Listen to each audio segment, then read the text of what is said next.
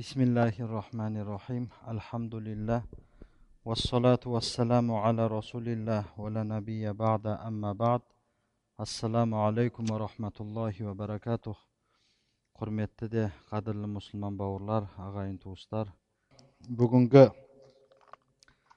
sahobamiz bugungi aytayin deb turgan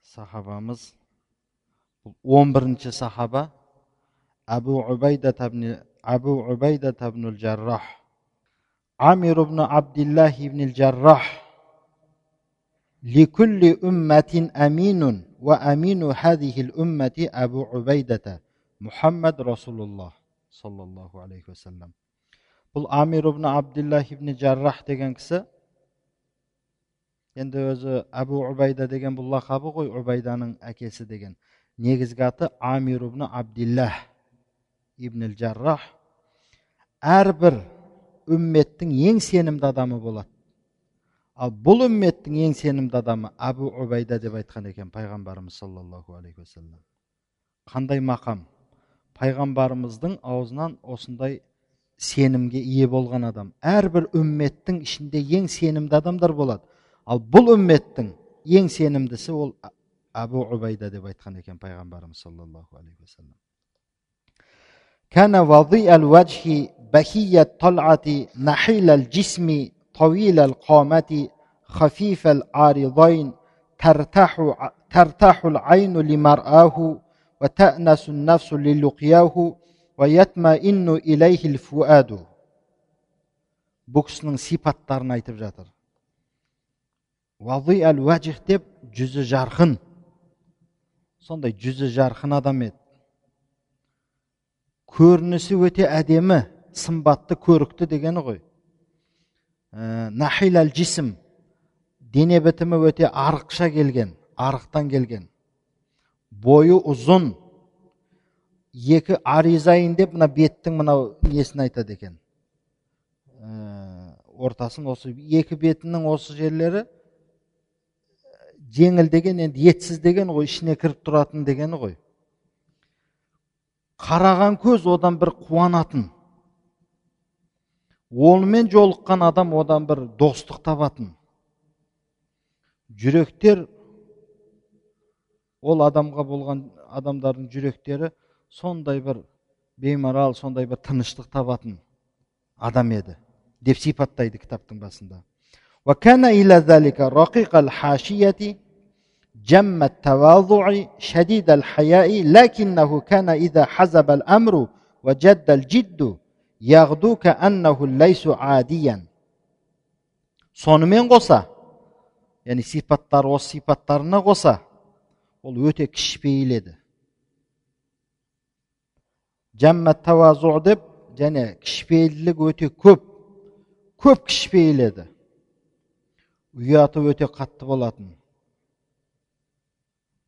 яғни ұялшақ адам еді дегені ғой бірақ жеме жемге келгенде іс насырға шапса дегені ғой бір іс шындыққа айналса ол адам бір атылған жолбарыстай болатын еді дейді فهو يشبه نسل السيف رونقا وبهاء ويحكيه حدة ومضاء Заликум хуа амину уммати Мухаммадин Амир ибн Абдиллах ибн жаррах, Аль-Фихрий Аль-Кураши Аль-Муканна би Аби Убайда. Ол қылыштың ұшына ұқсайтын әдемілік жағынан да баға жағынан да көрік жағынан да жалтылдап тұрған қылыштың ұшына ұқсайтын және ол өткірлік жағынан да өтімділік жағынан да жарқырау жағынан да қылыштың ұшына ұқсайтын дейді. Бұл айтып тұрған сахабамыз бұл бүгінгі біздің қиссамыздың кейіпкері ол бұл мұхаммад алейхисаламның үмметінің әмині ең сенімдісі амир ибн абдуллах ибн жаррах фихри. Бұл пайғамбарымыз саллаллаху алейхи уассаламға өте жақын силсиладан құрайыштың ішіндегі фехр пайғамбарымыздың ана мәуліт оқығанда келеді ғой фехр деген сөздер әби үбайда деп лақап атпен танылған абдул амир ибн абдиллах ибн жаррах деген кісі бүгінгі айтайын деп тұрған кейіпкеріміз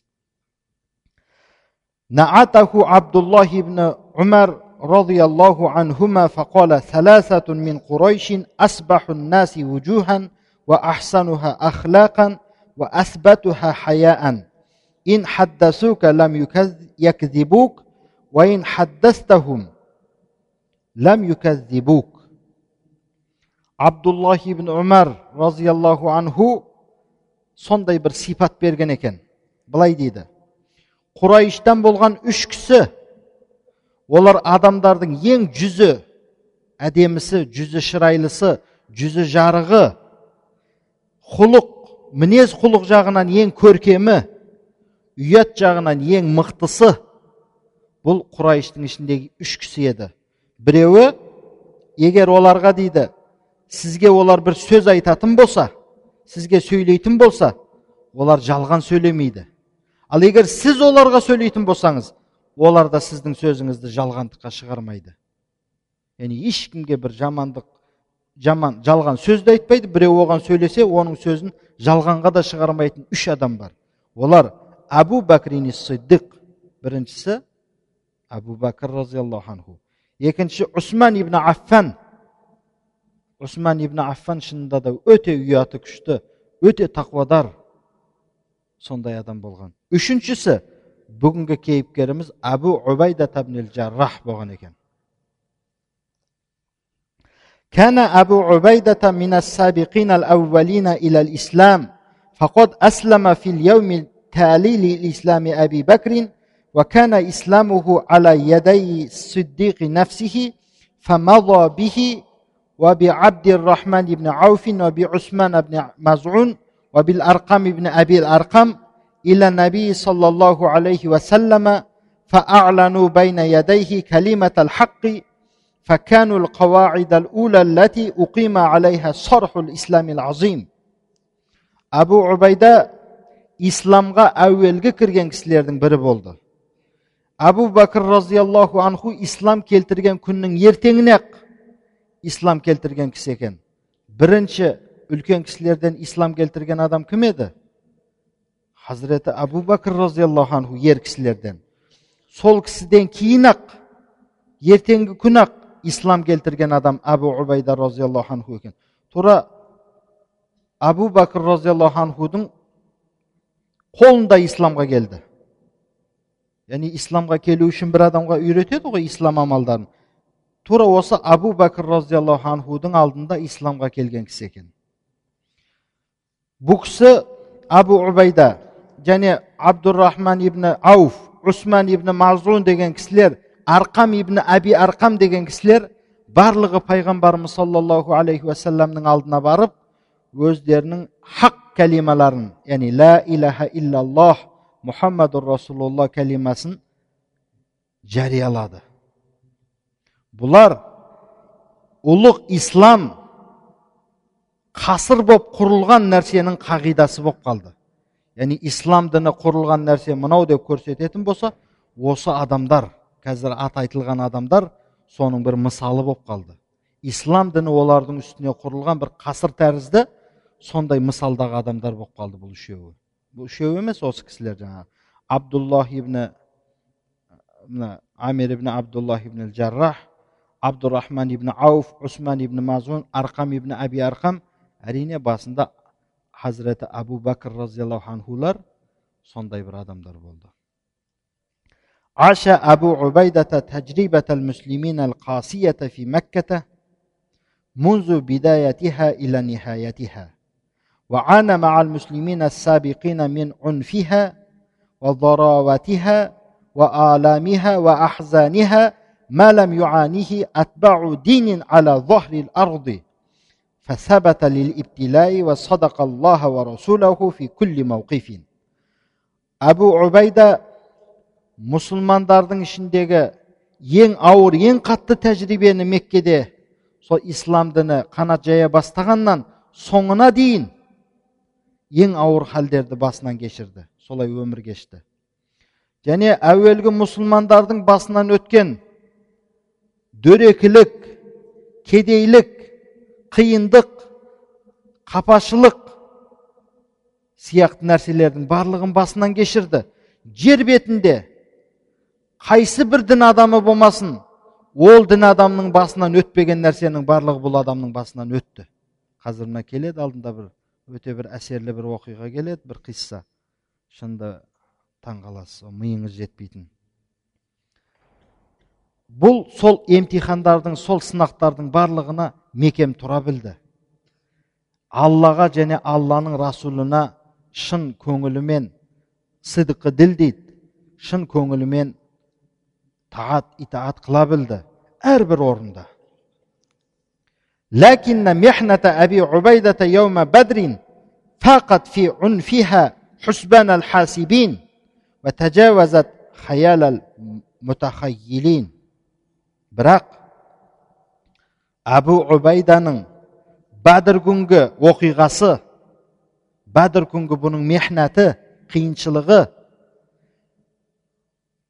есептеушілердің есебінің өлшеуінен асып кететін жағдайда еді ойлаушылардың ойынан да өтіп кететін жағдайдағы бір ауыр мехнатқа тап келді бұл кісі енді ойлай беріңіз ол қандай мехнат болуы мүмкін қандай қиыншылық қандай басынан өткен ауыр іс болуы мүмкін соған келейік енді انطلق أبو عبيدة يوم بدر يصول بين الصفوف صولة من لا يحاب الردى فحابه المشركون ويجول جولة من لا يحذر الموت فحذره فرسان قريش وجعلوا يتنحون عنه كلما واجهوه أبو عبيدة رضي الله عنه бәдір күні саптардың ортасында қылышын жалаңдатып шабуылдап атылып жүретін еді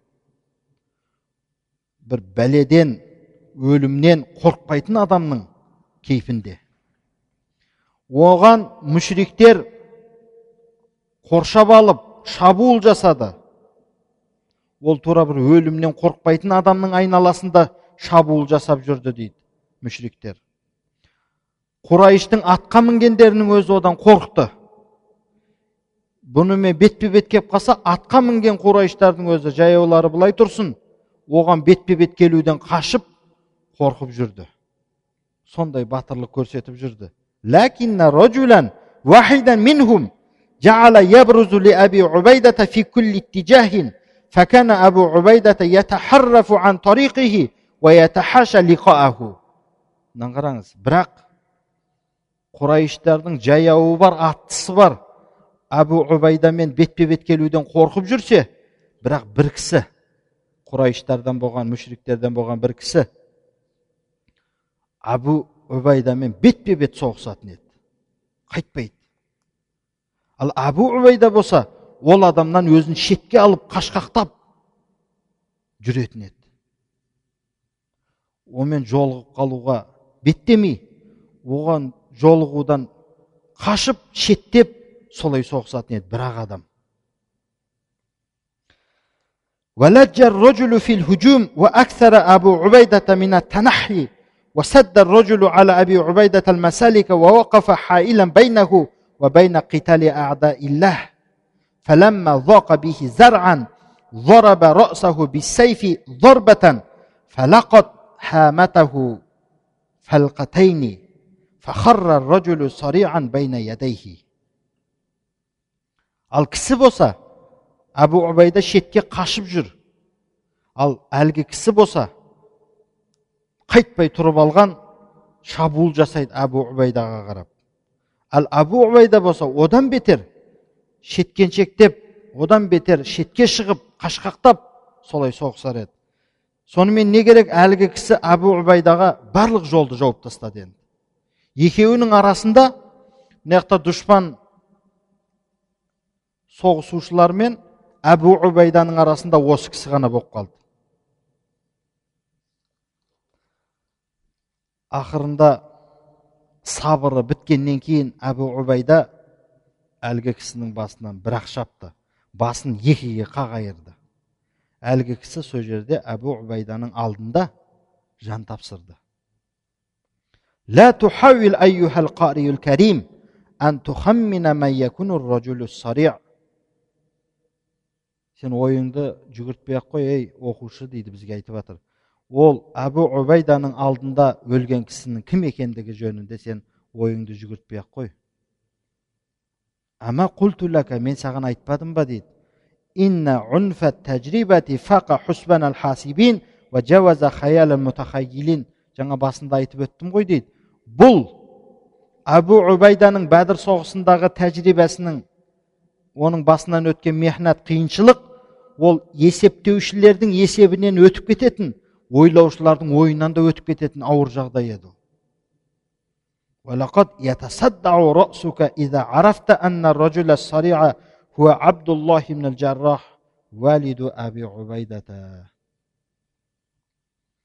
сенің басың жарылып кетеді дейді. Басың ойлағаннан қақ айырылып кетеді егер білсең әлгі абдуллах ибн жаррах өлтірген абдуллах ибн жаррахтың алдында өліп жатқан кісі оның өзінің әкесі екенін білсең сенің басың қақ айырылып кетеді дейді. Қалай алып келді кітапта сөзді? Жаңа мына жерде сіздер ойлаған болуларыңыз мүмкін бұл қашып жүрсе қорқып жүр деп ойлаған болуларыңыз мүмкін. Жоқ бұл қорқып жүрген жоқ еді ол әкесі бұнымен бетпе бет келіп қалды. Өйткені әкесі мүшрик еді бұның. Әкемді өлтіріп қоймайын деп қашты ары қашты бері қашты. Аны бір риуаяттарда келеді тауға алып келіп тіреді дейді бұл кісіні. Жарға тіреді ары қарай қаша алмайды я бұны өлтіреді я өлтіру керек не жағдай бұл басынан өткен ең ауыр қиыншылық деген осы айтып тұр мұны мұсанниф айтады мен саған айттым ғой дейді мынаны қазір естісең бұл жағдай сенің басың ойдан қақ айырылып кететіндей ауыр жағдай дейді لم يقتل أبو عبيدة أباه وإنما قتل الشرك في شخص أبيه біліп қойыңыздар дейді әбу убайда ол әкесін өлтірген жоқ ол әкесінің кейпіндегі шіркті өлтірді дейді өйткені мәжбүр болды шіркті өлтірді فأنزل الله سبحانه في شأن أبي عبيدة وشأن أبيه قرآنا فقال علت كلمته الله تعالى әбу убайда мен әкесі жөнінде аят түсірді ол аятта былай дейді астағфирулла لا تجد قوما يؤمنون بالله واليوم الآخر يؤدون من حد الله ورسوله ولو كانوا آباءهم أو أبناءهم أو إخوانهم أو عشيرتهم. أولئك كتب في قلوبهم الإيمان وأيدهم بروح منه ويدخلهم جنات تجري من تحتها الأنهار خالدين فيها رضي الله عنهم ورضوا عنه. أولئك حزب الله. ألا إن حزب الله هم المفلحون. آياتنا әбу убайданың істеген ісінің тура екендігін алла тағала ондай адамдарды жәннатпен сүйіншелегенін айтқан аяттар біз енді аяттың мағынасына тоқтамай ақ қояйық. Осыны оқып отырып шынында да қайран қаласыз? Қандай жағдайлар? Осы бізге асыл дініміз ислам қандай жағдайларда жетіп келді? Сол алланың кәлимасы ұлық болсын деп ширк мүшрик әкесін де өлтіруге тура келді осы сахабаларға. Құдайға шүкір қазір біздің әкелеріміз біздің бауырларымыз біздің ағайын туыстарымыз олар мүшрик емес олар хақиқи мұсылман. Мүмкін намаз оқи алмай жатқан шығар. Бірақ оларға сабырмен оларға өте бір насихатпен оларға өте бір жылы көңілмен қарауымыз керек. Мүшрик әкесінен қашып жүрді ғой еш болмаса қылышын бір қате тиіп кетпесін жаңа оқып отқан мен де басында осы кітапты оқып келе жатып неге бүкіл әскер қашады екен де бұл адам бір адамнан қорқа ма екен деген ой келіп қалады адамға ары қашты бері қашты болмағаннан кейін басын шауып алды деп тұрмыз ғой لم يكن ذلك عجيبا من أبي عبيدة فقد بلغ من قوة إيمانه بالله ونصحه لدينه والأمانة على أمة محمد مبلغا طمحت إليه نفوس كبيرة عند الله енді бұл бір ғажайып іс деуге болмайды аби убайда үшін өйткені оның аллаға болған иманының қуатының жеткен шегі оның дініне болған адалдығы оның Мұхаммад алейхисалам үмметіне болған аманаттарлығы алланың жанында үлкен үлкен нәпсілер армандап ентілетін дәрежеге жетіп қалған еді бұл кісінің дәрежесі иман дәрежесі. Хаддаса محمد ибн жафар قال قدم وفد من نصارى على رسول الله صلى الله عليه وسلم. فقالوا يا أبا القاسم ابعث معنا رجلا من أصحابك ترضاه لنا ليحكم بيننا في أشياء من أموالنا اختلفنا فيها فإنكم عندنا معشر المسلمين مرضيون. فقال رسول الله صلى الله عليه وسلم ائتني العشية أبعث أبعث معكم القوي الأمين. قال العمر بن الخطاب فرحت إلى صلاة الظهر مبكرا وإني ما أحببت الإمارة حبي إياها يومئذ رجاء أن أكون صاحب هذا النعت muhammad ibn jafar degan kishi mына оқиғаны баяндайды насаралардан болған бір жамағат бір елшілер келді делегация дейді ғой пайғамбарымыз саллаллаху алейхи уассаламның алдына келіп айтты дейді я әба қасим пайғамбарымыздың баласының аты қасым ғой. Ей қасымның әкесі дегені ғой. Насаралар я расулаллах демейді ғой. Я әба қасим. Біздерге бір кісіні берсеңіз өзіңіздің сахабаларыңыздың ішінен. Бізбен бірге жіберсеңіз сіз оның үкіміне разы бола алатын ол бір үкім шығарғанда сіз оған разы болатын бір сахабаны жіберсеңіз өйткені біздің малдарымыздың ішінде бір ихтилаф келісе алмай қалып жатқан нәрселеріміз бар. Ал мұсылмандар біз сіздердің әмірлеріңізге разы боламыз сіздер бір кісі жіберсеңіз дегенде пайғамбарымыз саллаллаху алейхи уассалам айтты сәл кешірек келіңдер. Мен бір мықты сенімді күшті адамды тауып сіздермен қосып жіберемін деді. Сол кезде айтады хазірет умар ибн хаттаб разиаллаху анху айтады мен дейді пешін намазына ертерек бардым дейді. Өйткені маған дейді сол сипатқа пайғамбарымыздың айтқан сипатына ие болудан артық бақыт жоқ соған ие болып қалсам екен мені пайғамбарымыз саллаллаху алейхи уассалам ертерек көріп сен бар анау насараларға барып үкім шығарып бер деп айтам екен деген оймен пешін намазына ертерек келіп алдым дейді хазірет омар айтады فلما صلى بنا رسول الله صلى الله عليه وسلم الزهر جعل ينظر عن يمينه وعن يساره فجعلت أتطاول له ليراني فلم يزل يقلب بصره فينا حتى رأى أبا عبيدة بن الجراح فدعاه فقال اخرج معهم فاقضي بينهم بالحق فيما اختلفوا فيه فقلت ذهب بها أبو عبيدة пайғамбарымыз саллаллаху алейхи уассалам пешін намазын оқып болғаннан кейін біздермен бірге оңына солына қарай бастады дейді іздеп кейін хазірет айт, омар айтады мен де дейді сәл бойымды былай орнымнан тұрыңқырап мені көрсін расулалла саллаллаху алейхи вассалам көріп кел омар мына кісілермен барып қой өйткені пайғамбарымыз айтты ғой кешірек келіңдер ең сенімді мықты адамды жіберемін деді ғой сол сипат менде болып қалса екен деп пайғамбарымыз мені көріп қалса екен деп сәл бойымды ұзаңқыратып тұрдым дейді а пайғамбарымыз дейді көзін былай ойнатып бір уақытта көзі абу убайдаға түсті да айтты дейді шақырды да айтты дейді барғын мыналармен жақсылап бұлар келісе алмай жатқан бұлар ихтилаф қылып жатқан мәселелерді сен бір үкім шығарып бергін деп абу убайданы жіберді. Хазірет омар айтты дейді ә, абу убайда кетіп қалды ғой мыналармен деп айттым дейді. Өкінішпен айтады ей анау кетіп қалды ғой дейді ғой. Сол сияқты фақульту айттым дейді. Захаба биха абу убайда абу убайда кетіп қалды ғой мыналармен насараларға деп айттым дейді хазірет омар.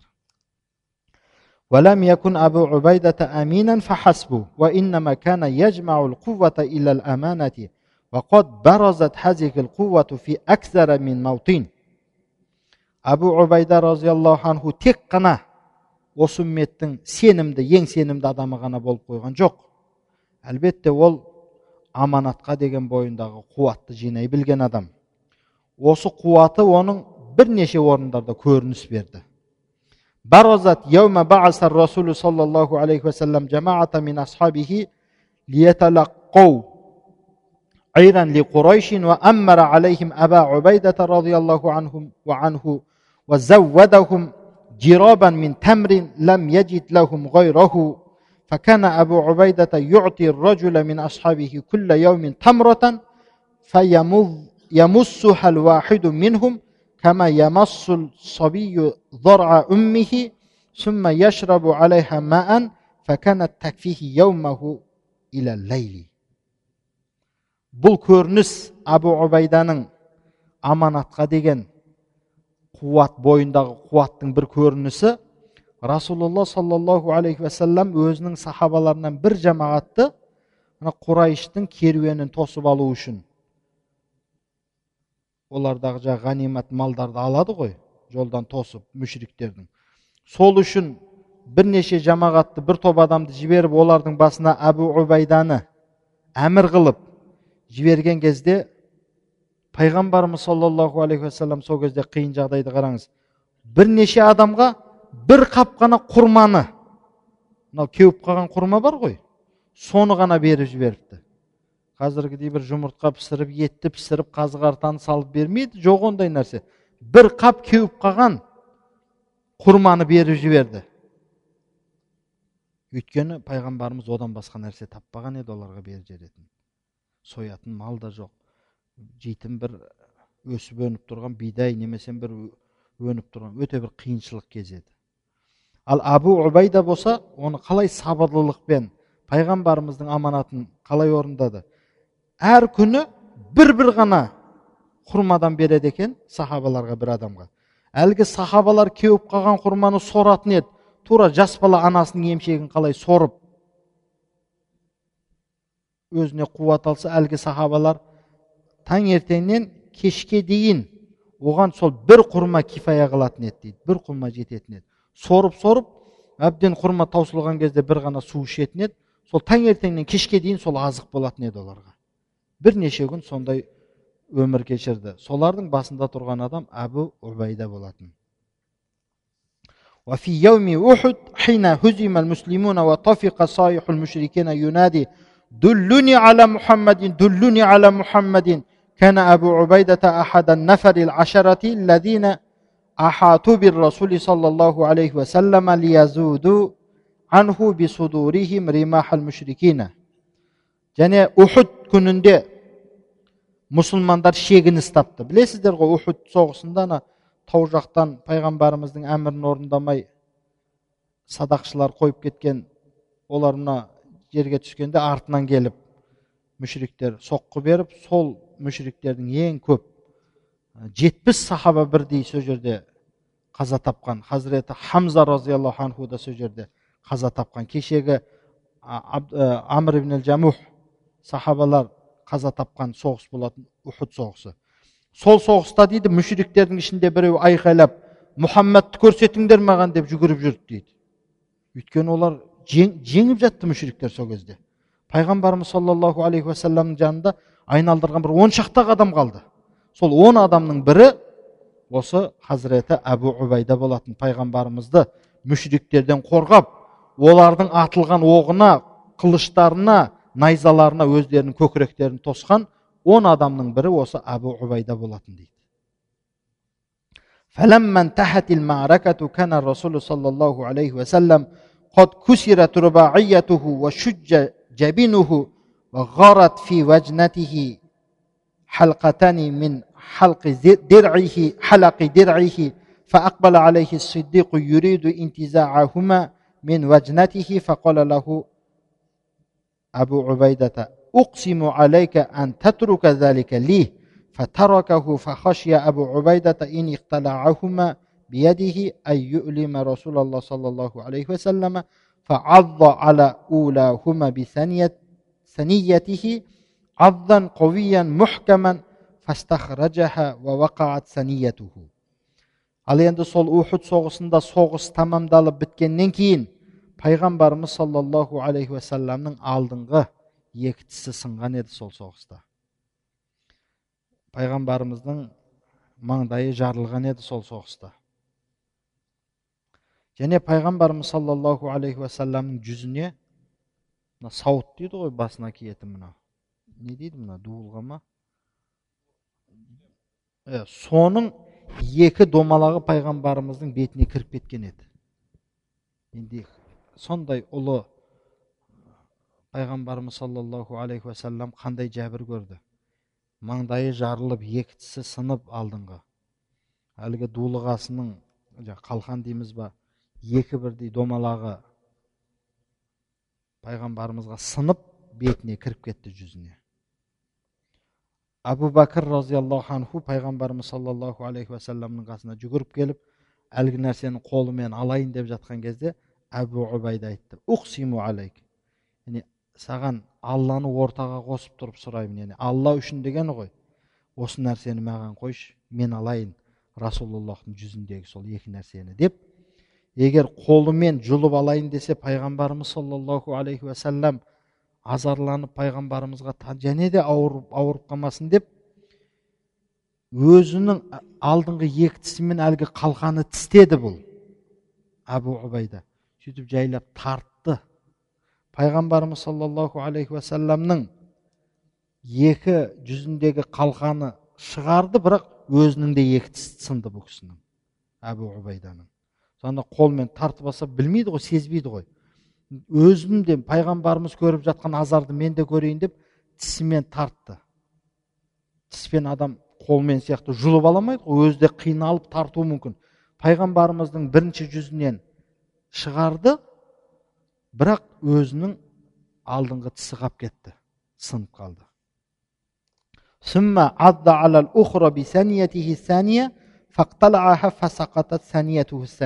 Екінші жағына да тісімен тістеп тұрып тартты.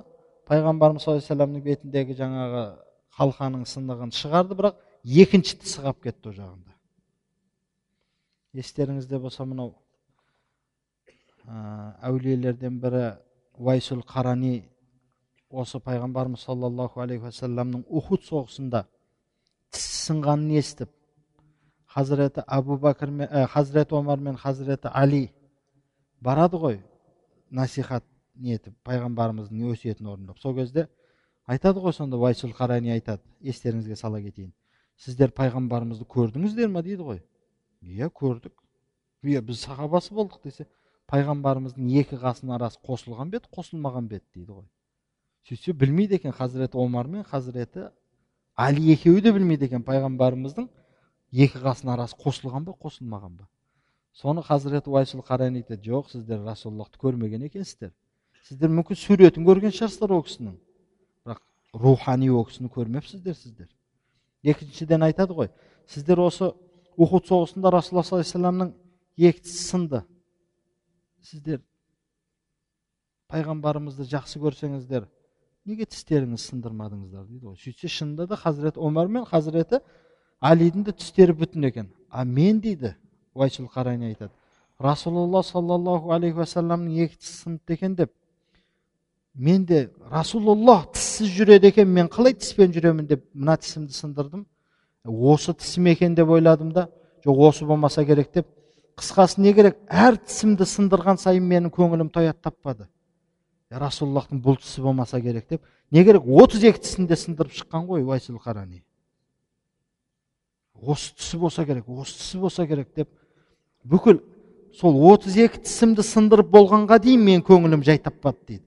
Расулаллахтың осы тісі ме екен осы тісі ме екен деп міне сол сол оқиға осы ухуд соғысында болған еді пайғамбар саллаллаху алейхи قال أبو بكر فكان أبو عبيدة من أحسن الناس حتما أبو بكر رضي الله عنه айтқан екен әбу убайда адамдардың ішіндегі мына алдыңғы екі тісі жоқ адамдардың ең әдемісі еді деп сипат берген екен бізде кетік деп қояды ана тісі жоқ адамды кетік екен деп қояды сол кетік адамдардың ішіндегі ең әдемісі әбу убайда деп қойыпты да хазірет әбу бәкір لقد شهد أبو عبيدة مع رسول الله صلوات الله عليه المشاهد كلها munzu sahibahu ila an vafahul yaqin әбу убайда разиаллаху анху пайғамбарымыз саллаллаху алейхи уассаламмен бүкіл ғазаттарға ғазауаттарға қатысты пайғамбарымыз саллаллаху алейхи уассалам алла тағаланың құзырына кеткенге дейін бұл дүниеден өткенге дейінгі барлық пайғамбарымызбен бірге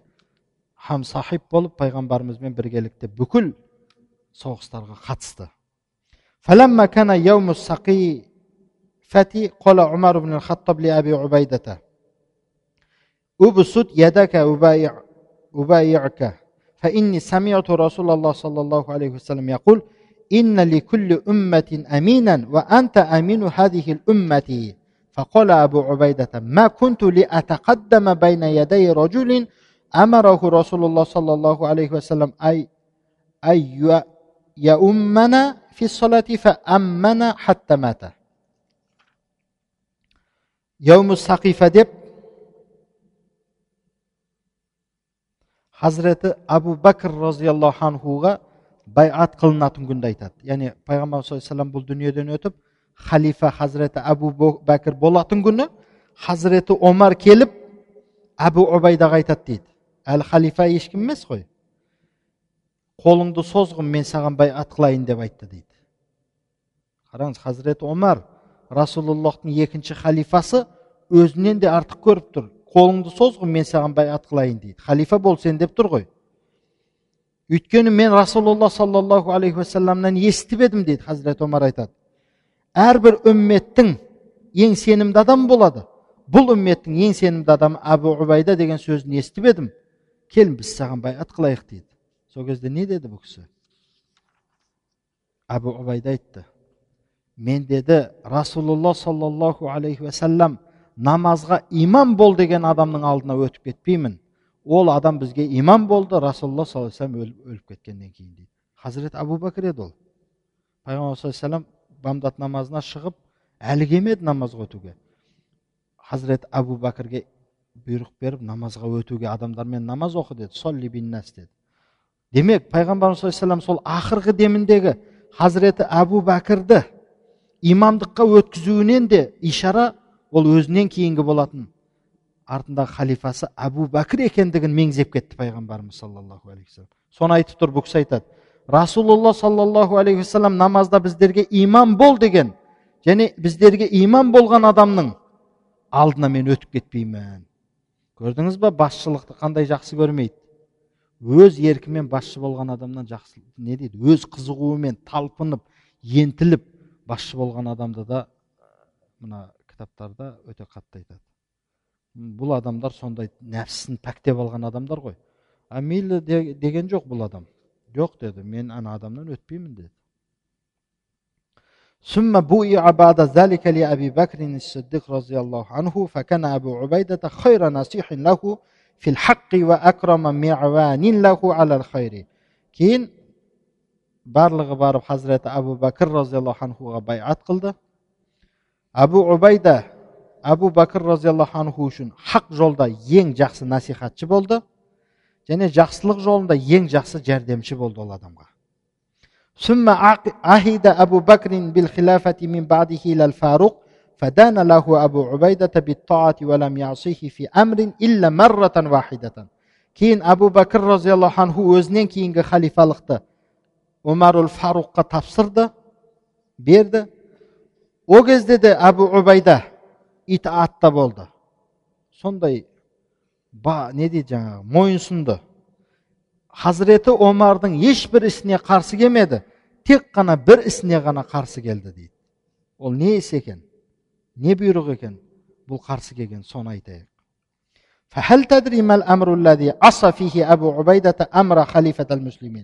білесіз ба қандай іс екен ол әбу убайда мұсылмандардың әмірі болған хазіреті омардың ісіне қарсылық білдірген не іс екен ол لقد وقع ذلك حين كان أبو عبيدة بن الجراح في بلاد الشام يقود جيوش المسلمين من نصر إلى نصر حتى فتح الله على يديه الديار السامية سامية كلها فبلغ الفرات شرقا وآسيا الصغرى شمالا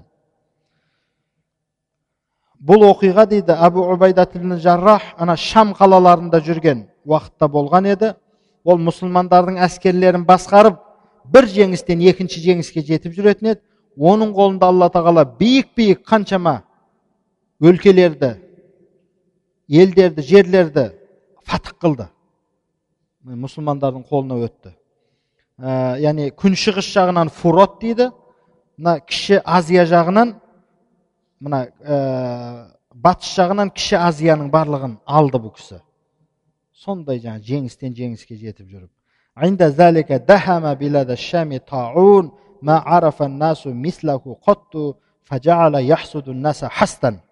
Сол уақытта шам қалаларына оба кеселі басып кірді дейді оба ауруы. Адамдар ондай ауруды бұрын соңды көрмеген адамдарды тура орақ шөпті қандай орған болса солай жалмап орып адамдарды жұтып жатқан оба кеселдігі келді шам қалаларына ал абу убайда өзінің әскерімен сол шам қалаларында жүрген еді да فما كان من عمر بن الخطاب إلا أن وجه رسولا إلى أبي عبيدة برسالة يقول فيها إني بدت لي إليك حاجة لا غنى لي عنك فيها فإن أتاك كتابي ليلا فإني أعزم عليك ألا تصبح حتى تركب إلي وإن أتاك نهارا فإني أعزم عليك ألا تمسي حتى تركب إلي сол кезде хазіреті омар ибн хаттаб разиаллаху анху бір елшіні абу обайдаға қарай жөнетті қолына бір хат беріп ол хатта былай дейтін еді хазірет омар маған бір ой келді яғни менің саған бір қажетім түсіп тұр. Әмирул мүминин айтып жатыр әбу убайдаға айтып жатыр. Маған саған менің бір қажетім түсіп тұр. Ә, мынау хат дейді менің жіберген мына кітабым хатым. Саған түнде келсе сен таң атпай тұрып маған қарай кегін. Ал күндіз келсе кеш батпай тұрып маған келуіңді талап етемін деген хат болатын. Яғни хазіреті абу ә, омар разиаллаху анху сол оба кеселінен абу убайда яғни опат етпесін деп тезірек хат жіберіп айтып жатыр ғой. Егер осы хатым түнде барса сен таң атпай жолға шығып кеткің келетін яғни ол дегені ойланып отырма. Мен сенен соны талап етемін. Ал күндіз барса кеш батпай жолға шығып кет бері қарай.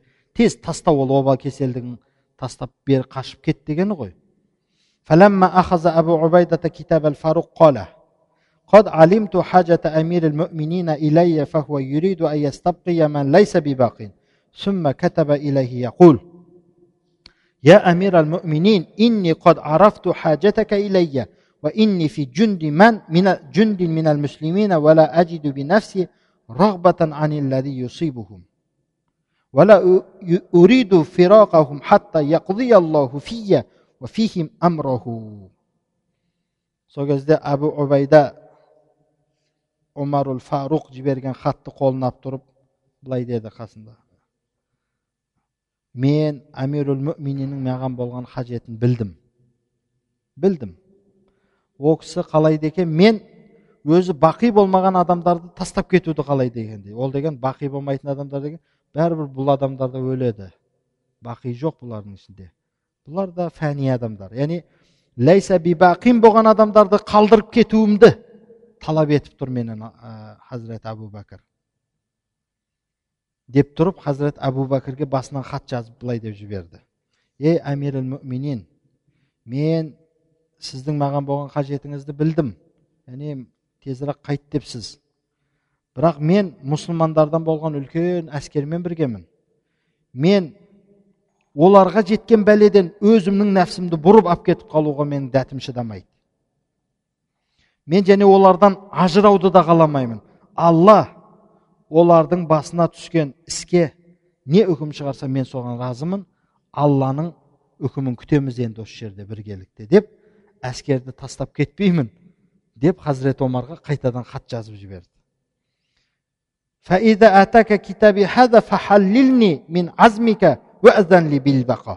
Егер менің осы хатым сізге баратын болса мені сіз ана талабыңыздан босатыңызшы дейді. Көрдіңіз ба өзінің әмиріл мүминінің талабынан босаудың өзіне бұл кісі сондай сұранып тұр. Сіз маған талап еттіңіз ғой. Түнде барса таң атпай кетіп қал күндіз барса кеш батпай кетуіңді талап етемін ол жерден дедіңіз сол талабыңыздан мені босатыңызшы және осы жерде қалуға маған ізін беріңізші соны өтінемін деп хатқа жазып жіберді бұл кісі ол дегені былайша айтқан уақытта сіздің бұйрығыңызды орындай алмай жатқаныма кешірім сұраймын мен кетпеймін осы жерде қаламын деген сөз ғой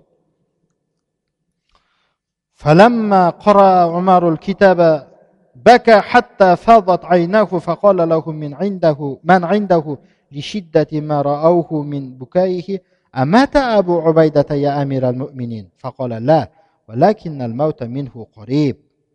кейін абу ә, хазіреті омар разиаллаху анху әбу убайданың жіберген хатын алып оқығаннан кейін қатты жылады дейді оның жылағанының қаттылығы соншалық қасында көріп тұрғандар сұрай бастады ей әмир мүминин әбу убайда өліп қалды ма деп сұрады сол кезде хазіреті омар жоқ бірақ өлім жақындап қалды оған деп жауап берді өйткені оба кеселдік ол алмай қоймайтын кеселдік қой ولم يكذب ظن الفاروق إذ ما لبس أبو عبيدة أن أصيب بالطاعون فلما حضرته الوفاة أوصى جنده فقال إني موصيكم بوصية إن قبلتموها قبلتموها لن تزالوا بخير أقيموا الصلاة وآتوا الزكاة وصوموا شهر رمضان وتصدقوا وحجوا واعتمروا وتواصوا وانصحوا لأمرائكم ولا تغشوهم хазіреті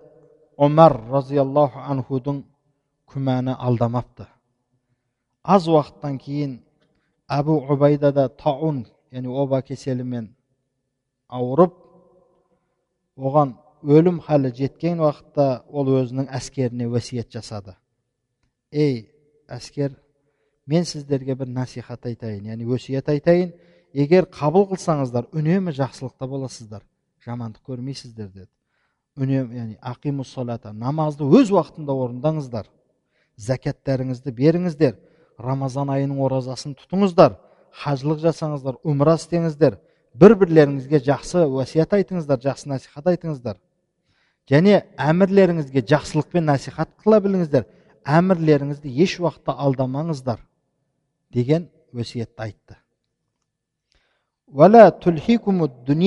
فإن المرء لو عمر ألف حول ما كان له بد من أن يصير إلى مسرع هذا الذي ترونه және айтты сіздерді дүние алдап қоймасын дүниенің алдамшы нәрселері сізді бұрып қоймасын мына ақирет істерінен жақсы амалдардан өйткені егер дейді бір кісі егер оған мың жыл уақыт берілсе де дейді мың жыл жасаса да дейді оған шара жоқ. Мына менің өлім мен сияқты өлімнен бәрібір шара жоқ. Өздерің көріп тұрсыңдар ғой. Мың жыл өмір сүрген адам да ақыр түбі өледі. Сол үшін дүние сіздерді алдап қоймасын. Ақырет істерінен сіздерді дүние бұрып қоймасын деген насихатты айтты.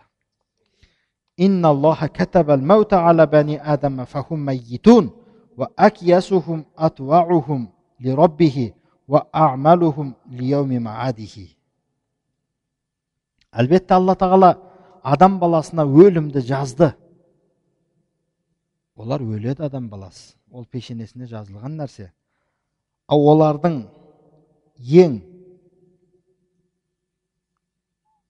әкияс деп ақыл бір істі түсіну жағынан ең жақсырағы олардың раббысына итаат қылушырағы олардың ең жақсырағы және қиямет күні үшін жақсы амал жасай білгендері олардың ең жақсылары адамдардың деді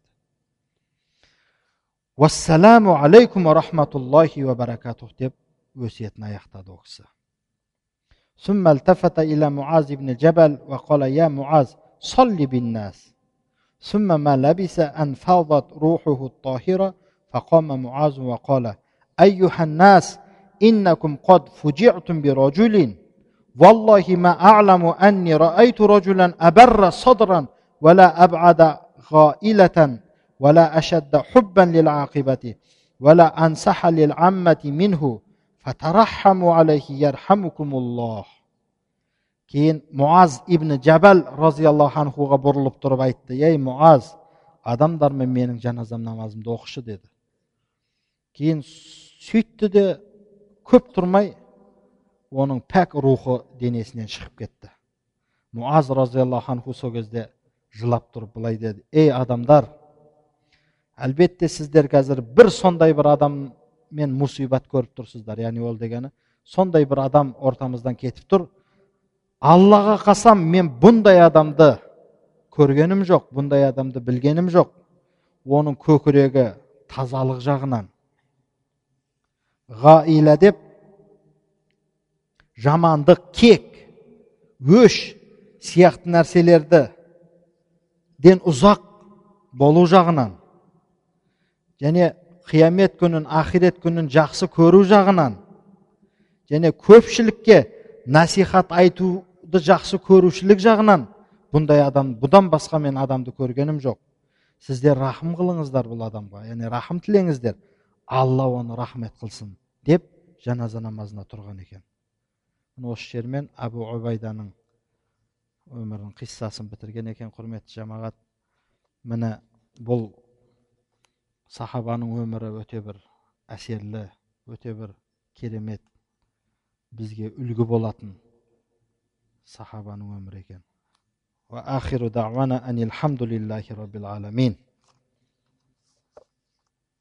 ربنا فاغفر لنا ذنوبنا وكفر عنا سيئاتنا وتوفنا مع الأبرار أحب الصالحين ولست منهم لعل, لعل الله يرزقني الصلاح يا رب الله осы сахабалардың өмірін біздерге үлгі етіп осы сахабалардың өмірімен біздердің алла тағалам имандарымызды күшейткен осында отырған жамағатымыз тәләбаларымызға алла тағалам өзің пайдалы илім берген біздерді алла тағалам өзің тура жолыңнан адастырмаған осы алған илімдерімізбен осы айтып жатқан насихаттарымызбен алла тағалам өзіңнің разышылығыңа жетуді алла біздерге нәсіп ала алихи асхабихи